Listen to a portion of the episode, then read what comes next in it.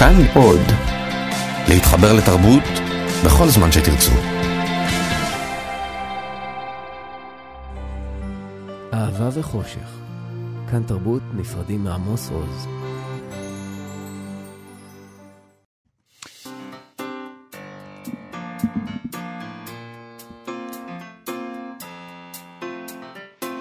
מה שכרוך עם יובל אביבי ומה יעשה לה. שלום, אנחנו uh, מה שכרוך, מגזין הספרות היומי של כאן תרבות עם מאיה סלע ויובל אביבי. Um, כמובן אנחנו ביום שידורי מיוחד uh, לזכרו של עמוס עוז שהלך לעולמו בגיל 79 ביום שישי. כאן תרבות uh, משדרים כבר מהשעה 7 בבוקר יום שידורי מיוחד שמתמקד בפועלו של עמוס עוז, וכמובן גם אנחנו במה שכרוך אה, נדבר על זה.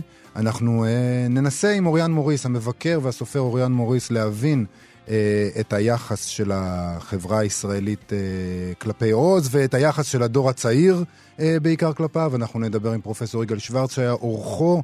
אה, אנחנו נדבר עם דרור משעני שמצא את עצמו בשני אה, צידי המתרס, גם היה העורך של עמוס עוז וגם אה, ניתח אותו בצורה מאוד ביקורתית בספרו בכל העניין המזרחי. יש איזה אבסורד.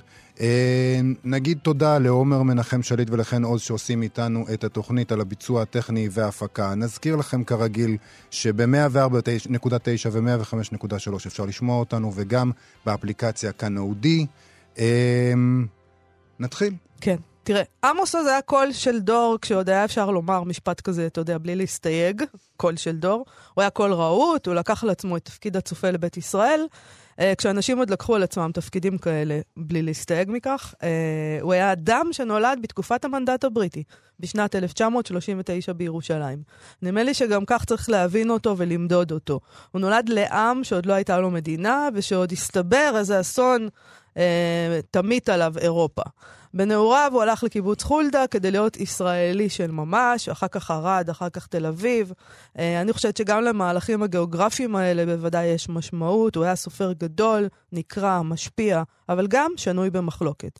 והשנוי במחלוקת לאו דווקא נגע לספרות שכתב, הוא היה הסופר המתורגם ביותר, הנמכר ביותר, אולי אפילו האהוב ביותר, ומצד שני, זכה גם לקיתונות של כעס והסתייגות, ואנחנו נדבר גם על זה היום. בהחלט. אבל נתחיל, מניע...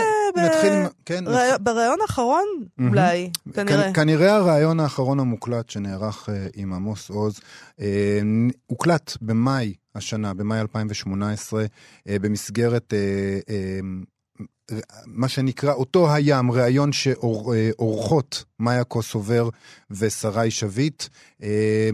הוא מדבר שם על הרבה דברים, נשמע קטע קצר, שבו אפשר להגיד שהוא מדבר על החיים. בקרוב בן 60 המספר הזה, ויוכל לסכם לו בערך כך, יש אהבה ויש אהבה. בסוף כל אחד יישאר לבדו. Mm-hmm. ואז כל, כל הדמויות מופיעות שם, וגם הדמויות מהקיבוץ. כן. שהיו חלק מ... Mm-hmm. או לא היו. חלק מהביוגרפיה של המספר. כן. ו... ואני, ואני תוהה אם זאת המסקנה של הספר. הלו, זה מלא סתירות, זה סותר את עצמו. אני אומר בסוף, אני אומר, בסוף כל אחד נשאר לבדו, ואז כולם באים. זה לא, אני לא יודע. אני עוד לא הייתי בסוף. אני קרוב לסוף, אבל אני עוד לא בסוף. יכול להיות שבסוף כל אחד נשאר לבדו. גם זה לא אסון. גם זה לא אסון. אם האסון זה מי שחי לבדו כל השנים. לא מי שבישורת האחרונה או בשעתיים האחרונות אין מי שיחזיק לה את היד, זה עצוב מאוד, אבל זה לא האסון. האסון זה להיות לבד בזמן שאתה חי, לא בזמן שאתה יוצא מן העולם. אז אני לא יודע, התשובה אם בסוף כל אחד נשאר לבדו או לא, אני עוד לא הייתי שם, אני לא יודע. תספר לנו אחרי. בשמחה, כי המתים, את רואה, הם חוזרים פה, אין להם בכלל בעיה, זה דלת מסתובבת. לא רק שהם חוזרים, הם יודעים את הרכילות הטריה ביותר ומגיבים עליה. ו... ובאותו הקשר של אה, בסוף כל אחד יישאר לבדו, כשכתבת את הספר הזה הרגשת שאתה באמת במקום... אה, אה, שאתה יכול להודות על מה שיש ולשמוח בו. ו... כן, כן, כן. לזה הגעתי לא אתמול ולא שלשום, הגעתי לפני די הרבה שנים, שבעצם גם בחיים האישיים שלי, משפחה, אישה, ילדים, חברים, אה, ידידים, וגם בעובדה שעברתי בין הטיפות של ההיסטוריה. באמת, הייתי פעמיים, הייתי בשדות קרב. כילד הייתי במרתף שהפציצו אותנו שם והרעיבו אותנו. אני מאלה שעברו בין הטיפות של ההיסטוריה, צריך להגיד תודה. חוץ מזה, באמת, הדברים הפשוטים ביותר, חבל לא להיעצר לרגע ולהגיד תודה. למשל זיתים.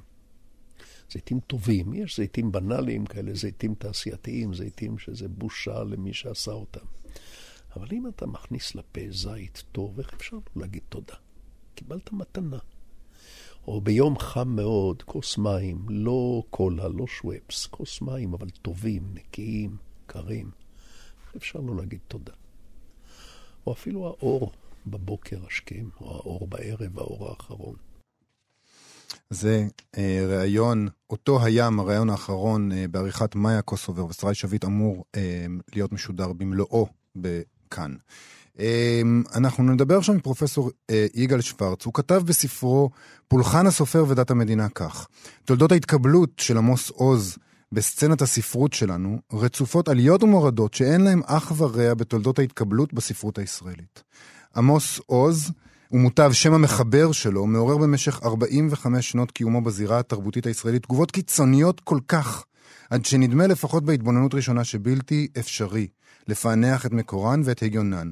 מכאן גילויי האהבה והערצה השמורים בדרך כלל לנסיכים ולמלכים, לשחקני קולנוע ולכוכבי רוק. ומכאן גילויים של איבה, שנאה, חשיכה וביטויים של סליטה ובוז. פרופסור יגאל שוורץ הוא ראש מכון הקשרים באוניברסיטת בן גוריון ועורך ראשי בהוצאת uh, כנרת זמורה. והוא גם היה עורך של עוז בתקופה שבה שימש כעורך הראשי של הוצאת כתר, שם פרסם uh, עוז את ספריו. שלום פרופסור יגאל שוורץ. שלום חברים. שלום. אז מה, מדוע ההתקבלות של עמוס עוז רצופה עליות ומורדות? Uh, ראינו את זה אפילו עכשיו. לא, לא הניחו לדבר הזה אפילו בימים האלה שלאחר מותו. תראה, אני עכשיו uh, כתבתי משהו, uh, ותוך כדי כתיבה נזכרתי בשיר של uh, בודלר, האלבטרוס. Mm-hmm.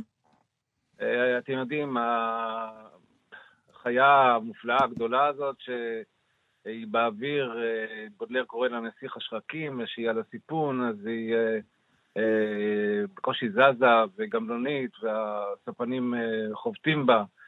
אה, אני חושב שזה,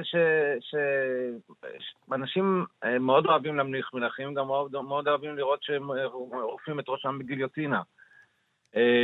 כי רוצים לראות שהדבר הזה הוא גם חי, גם נוזל, גם שותת דם.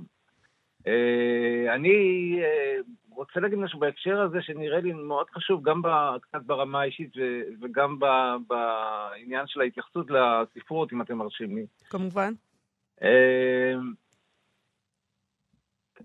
חלק מתוך האיבה היה איזה מין, אה, מאחורי חלק מהאיבה עמדה סוג, עמד סוג מסוים של הרגשה שהוא מתנשא. אה, שאי אפשר לסבול את זה שהוא מדבר כל כך רהוט. ואני מודה ומתוודה שבעשרות הפגישות שהיו לי איתו, אה, גם בממד האישי, הוא שומר על איזה סוג מסוים, הוא לא שומר, יש לו סוג מסוים של מרחק.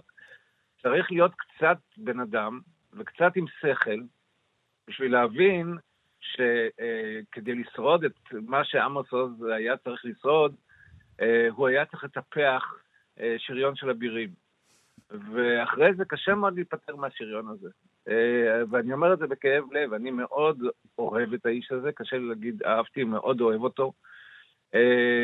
כי, כי הוא תמיד שם, הוא היה נוכח ואני חושב, תסלחו לי על הטיפה לנימה הפוליטית גם, אבל אני חושב שהעצב הגדול שעוטף לפחות אה, חלק מאיתנו בלכתו זה שנוצר חלל מאוד גדול, וכשאנחנו מסתכלים מסביב, אז אה, הדבר היחיד שנראה שהולך למלא את החלל הזה זה, זה מין אה, אוויר רדיואקטיבי פשיסטי, וזה לא נחמד. השריון הזה של האבירים שאתה מדבר עליו, ביחסים הבין-אישיים, איך, איך אתה, אתה רואה אותו גם בספרות שלו?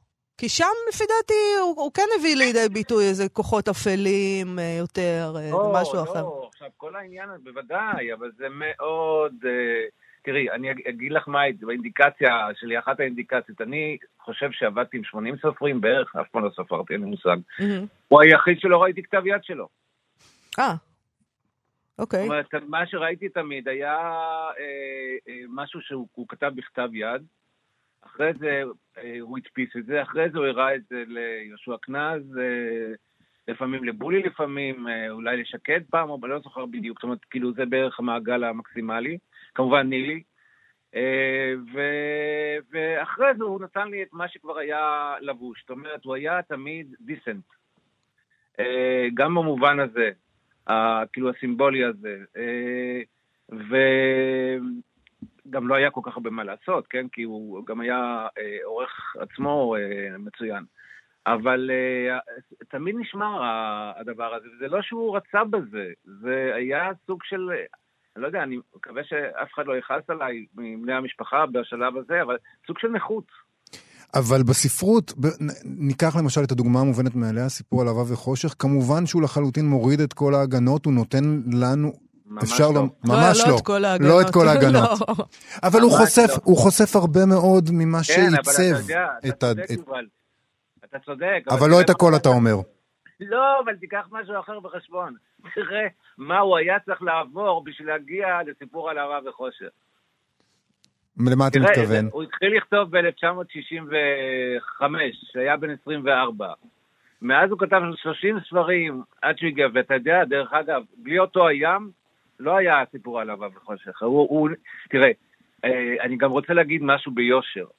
אה, לעמוס עוז הייתה תקופה רעה מאוד, שגם הוא חשב שזו הייתה תקופה רעה. הספרים שהוא אה, כתב בשנות ה-80, אה, המצב השלישי, ולדעת אישה, וקבוצה שחורה, והחל ממנוחה נכונה, היו סדרה של רקוויאמים, שבהם הוא הרגיש משהו שהיה שלו אה, אה, נשמט מידיו. שהוא כותב על פימה במצב השלישי, שהוא הולך בירושלים כמו מין אובלומוב כזה, ולא מוצא את הידיים ברגליים, והחבר היחיד שלו פחות או יותר זה המקק שמתחת לכיור, זה לא הייתה תקופה גדולה בחייו, וגם הספרים שהוא כתב בשלב, בשלב הזה היו פחות טובים מאלה שהוא כתב לפני ואחרי. זאת כן. אומרת, יש מצב ש...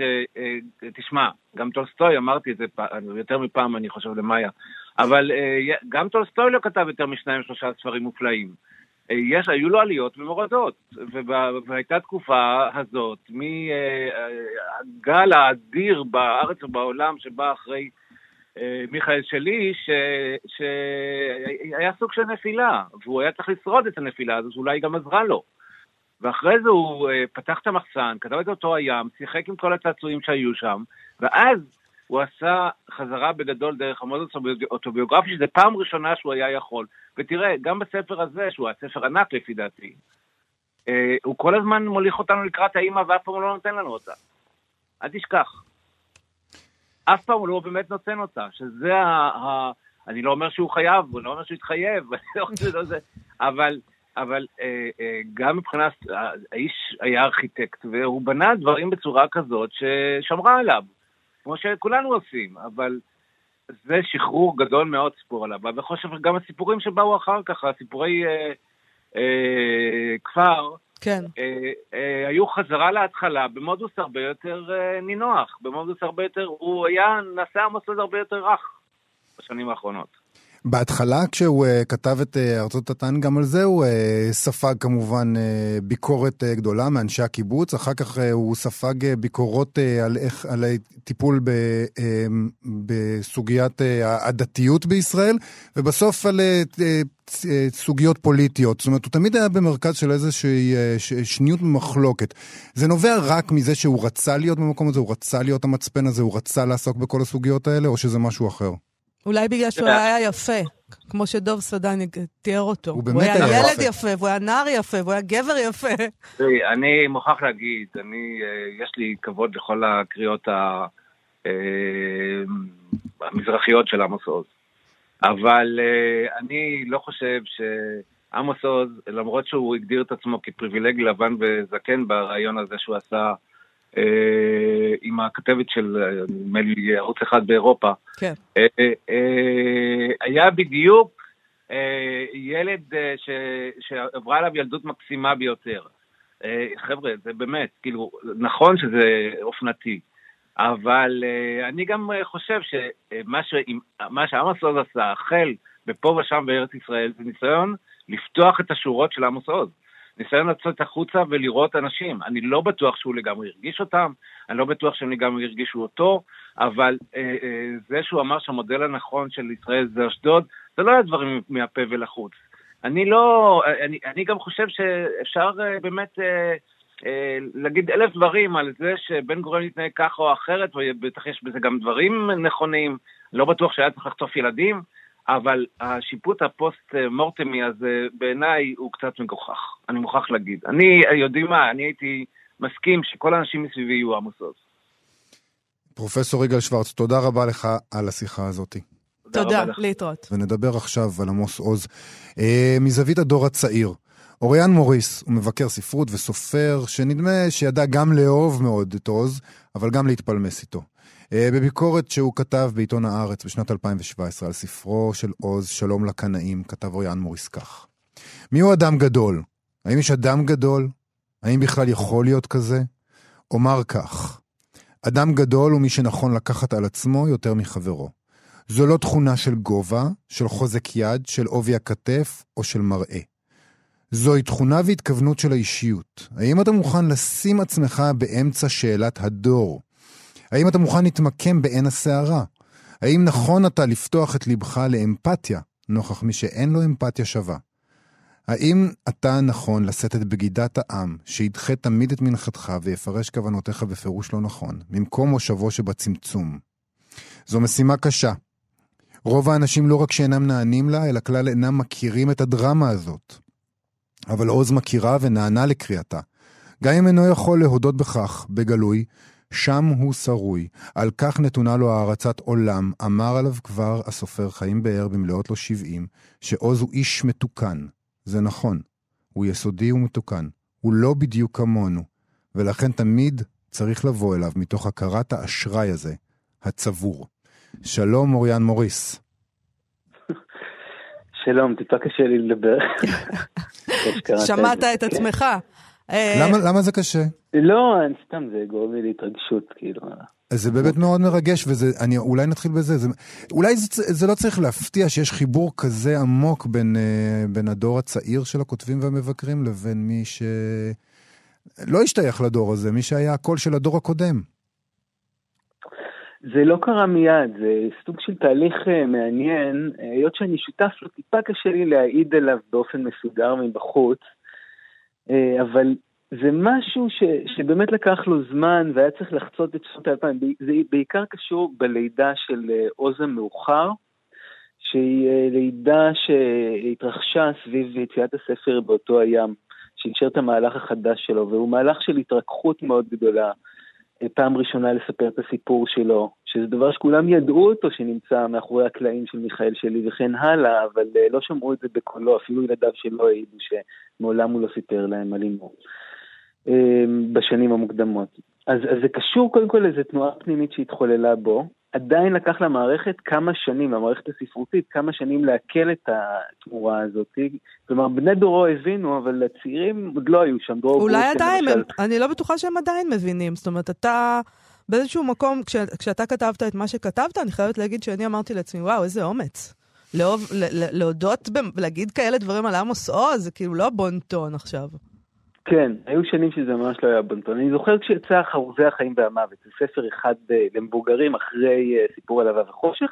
זה ספר שהיה נדמה מאוד אה, חלש, כלומר הוא נכתב מתוך אנרגיה נמוכה, וזה טבעי אחרי ספר מונומנטלי שיופיע ספר כזה. אז אני זוכר שמישהו כתב עליו מבני דורנו, מהנבחרים שבסופרים, זו ביקורת מאוד מאוד אכזרית, כלומר ראו שהיה שם לא רק חוסר הערכה לספר, אלא גם רצון לגמד את המפעל ולהוכיח את זה באמצעות הספר. כן.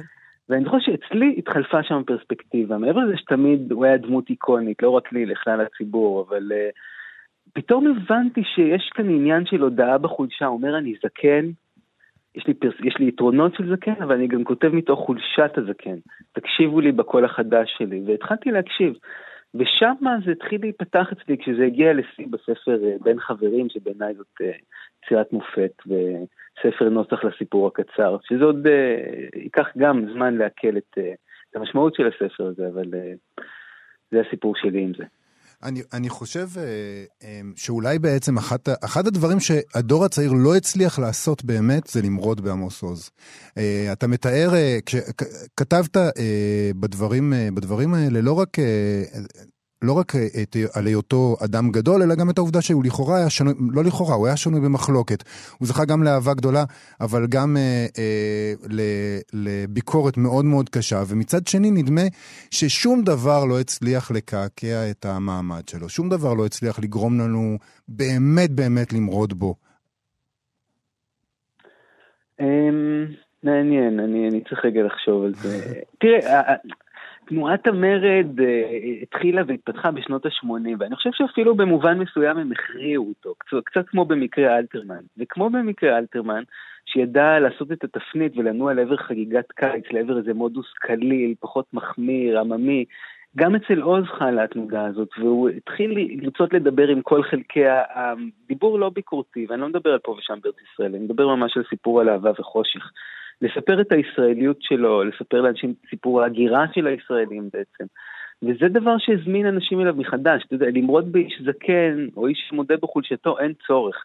כשהוא היה בשיא עונו ו- ו- ולא בדיוק בשיא יכולותיו כסופר במהלך שנות ה-80-90, מאמצע שנות ה-80, אז אני חושב שהייתה תנועת מרד שכביכול הצליחה, אלא שהוא צריך לכבוש מחדש ה- גם את הזירה וגם את הלב של הקהל. אני רוצה לשאול אותך, אה, האם היה לך דיאלוג איתו, האם הוא, נגיד, קרא את הביקורות שלך והגיב עליהן אי פעם? התקשר?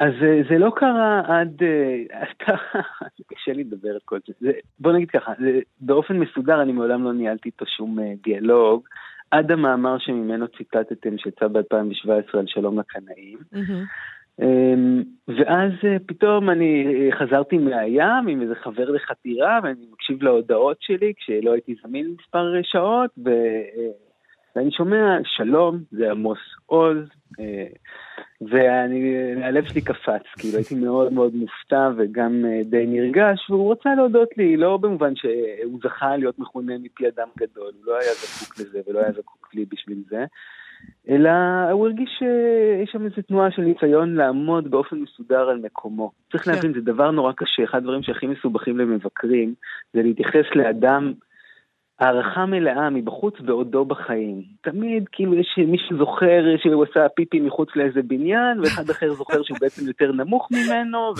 ואיזה אישה יש לה מה לספר וכן הלאה. אבל צריך לצאת מזה, כי אלה לא דברים שהם משמעותיים כשמעריכים את המפעל. כן. אה, ולי תמיד חשוב להתייחס לסופריי כאילו הם אה, נולדו כבר מתים.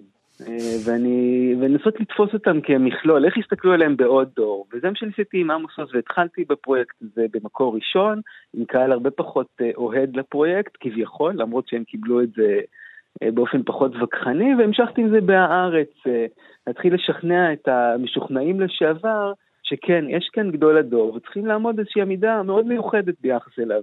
אה, שהיא ספק קידה, ספק אה, איזושהי הכנעה בסיסית, כי uh, זה איש שהוא משמעותי לנו, הוא מלמד אותנו על עצמנו, וזה מה שעוז בשבילי, הוא, הוא, הוא איקוני כי הוא...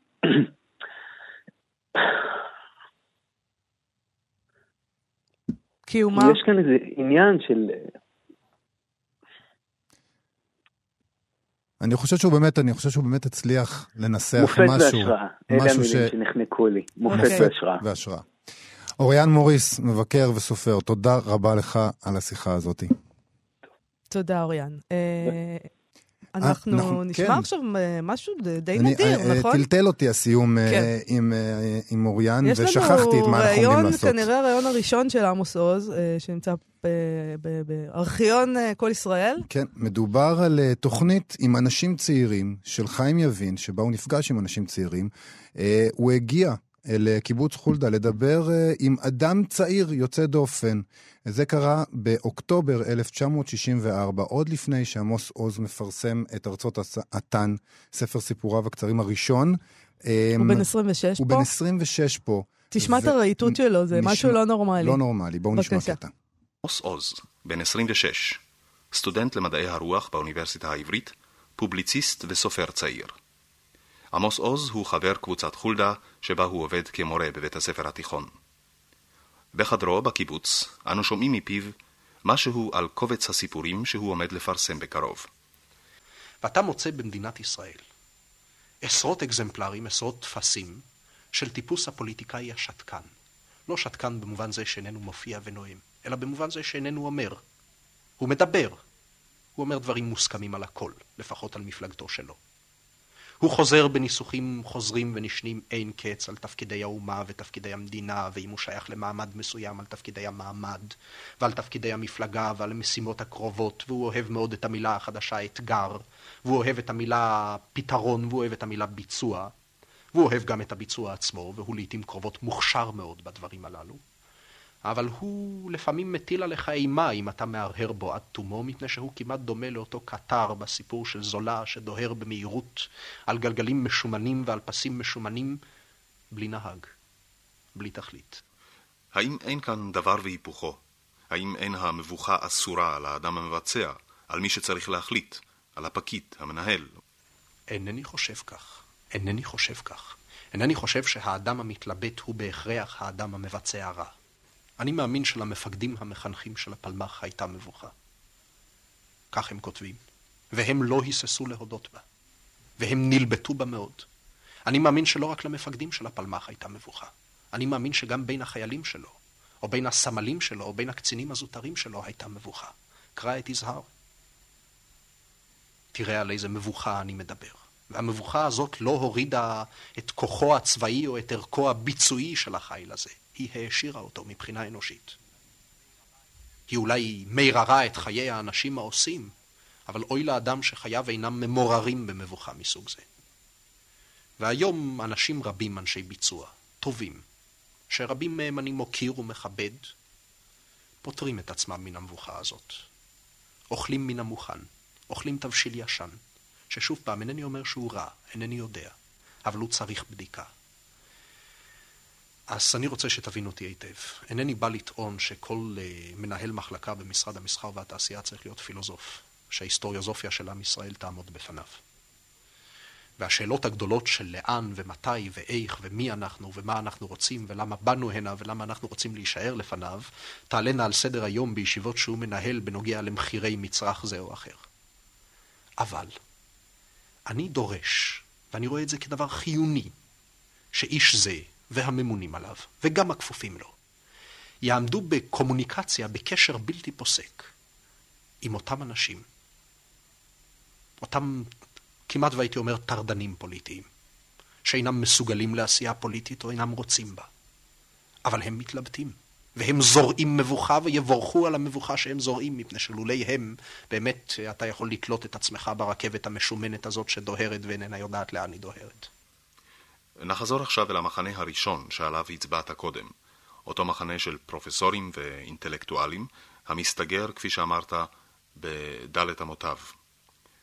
נדמה לי שאין צורך לומר שכאן, בהסתגרות זו, טמונה סכנה, אולי סכנה רבה. כיצד זה נראה לך? מהי הסכנה? הסכנה היא שאנחנו נצמיח במשך השנים כת אינטלקטואלית מסוגרת מאוד, אריסטוקרטית בהליכותיה, אולי אפילו סנובית, מעין מעמד סגור שמחליף בינו לבינו דברי חוכמה, וחי בגבהים גדולים של מחשבה מצד אחד, ומצד שני עם שטוח, עם מנותק.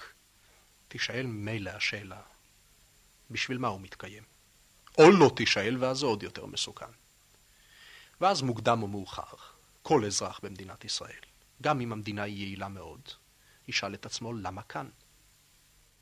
או ישאל את עצמו למה עברית? או ישאל את עצמו למה עולים חדשים? או ישאל את עצמו למה צדק סוציאלי? הוא עלול מחר, אתן לך דוגמה קונקרטית מאוד.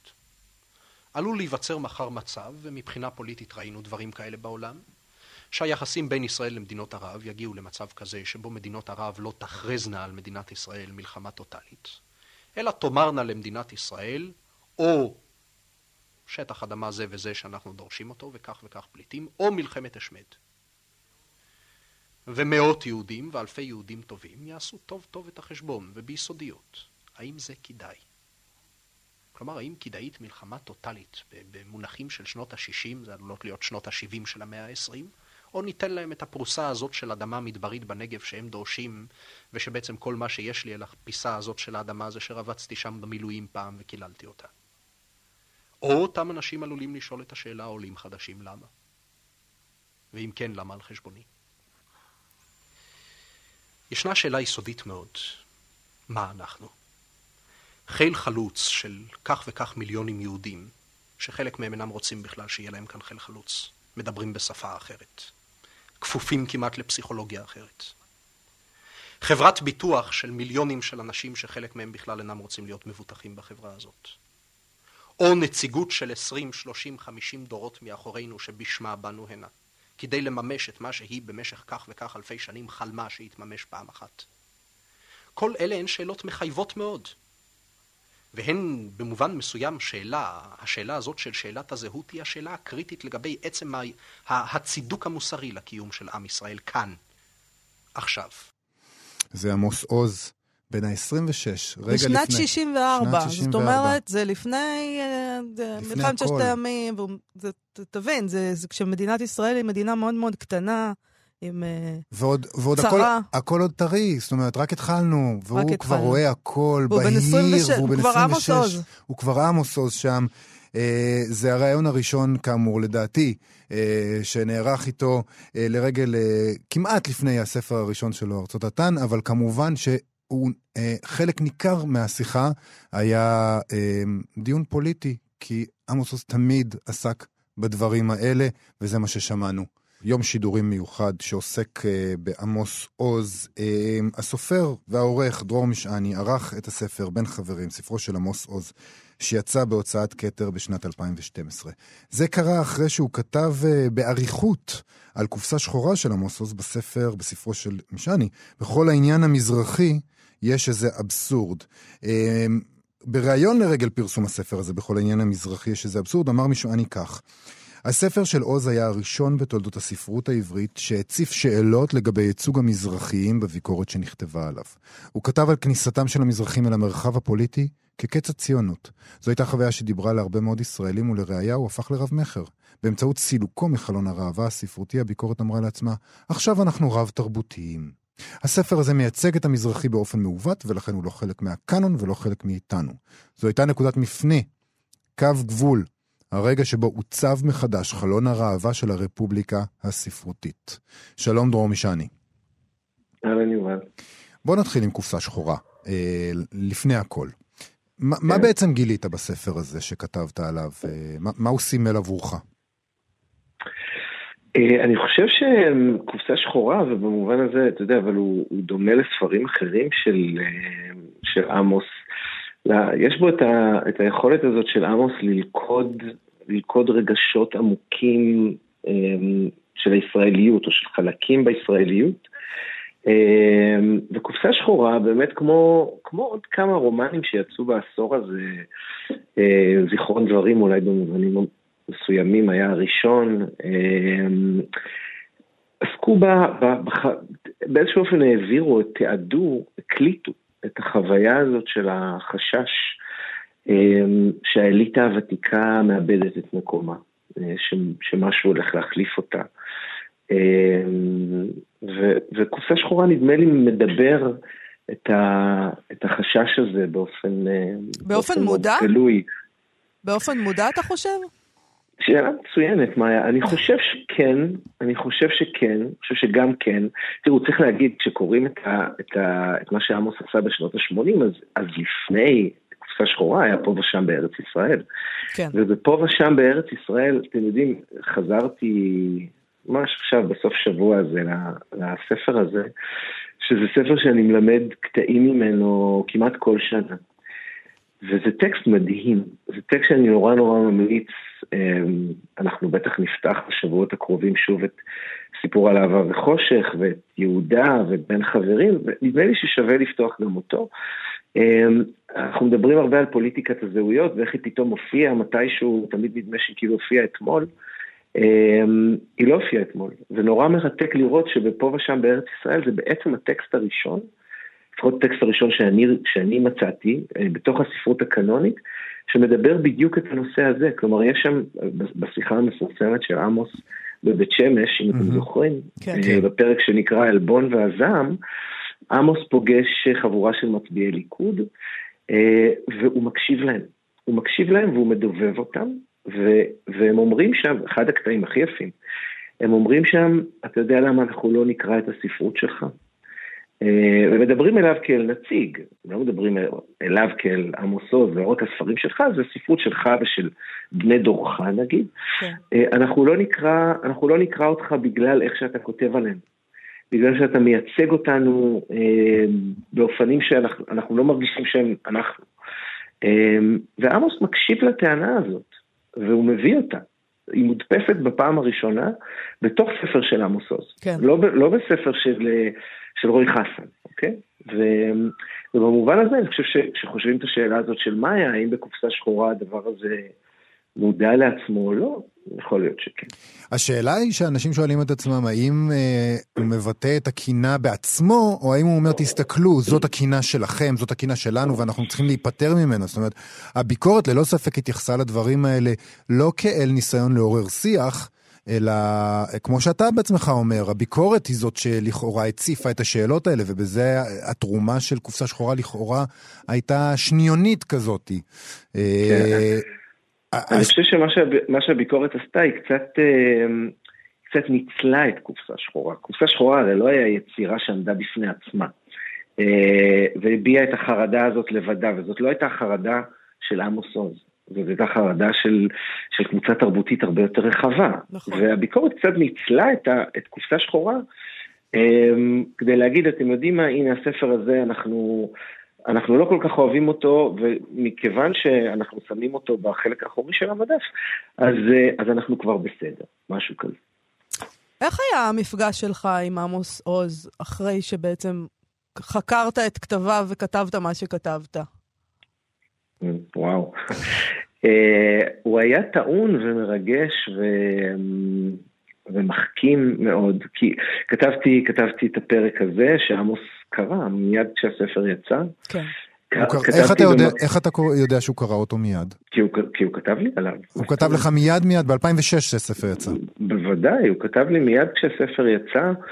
אה, לא רק, לא רק שהוא כתב לי, הוא כתב לי והזמין אותי לפגישה, ונפגשנו בעצם בפעם הראשונה, הפגישה הראשונה שלנו, הייתה פגישה שלי, חוקר סלש מבקר ספרות פישר. אה, בן ושל 30 עמוס היית. נכון? כן, ושל עמוס עוז בקפה הבימה. אמ, פגישה נורא מעניינת, כאילו מה שהיה, זה, היא ריתקה אותי מהשנייה שהגעתי, אני הגעתי לשם ועמוס ישב שם ולפניי, הייתה לו פגישה קודמת, ומי שישב לפניי היה אלוף ישראל טל.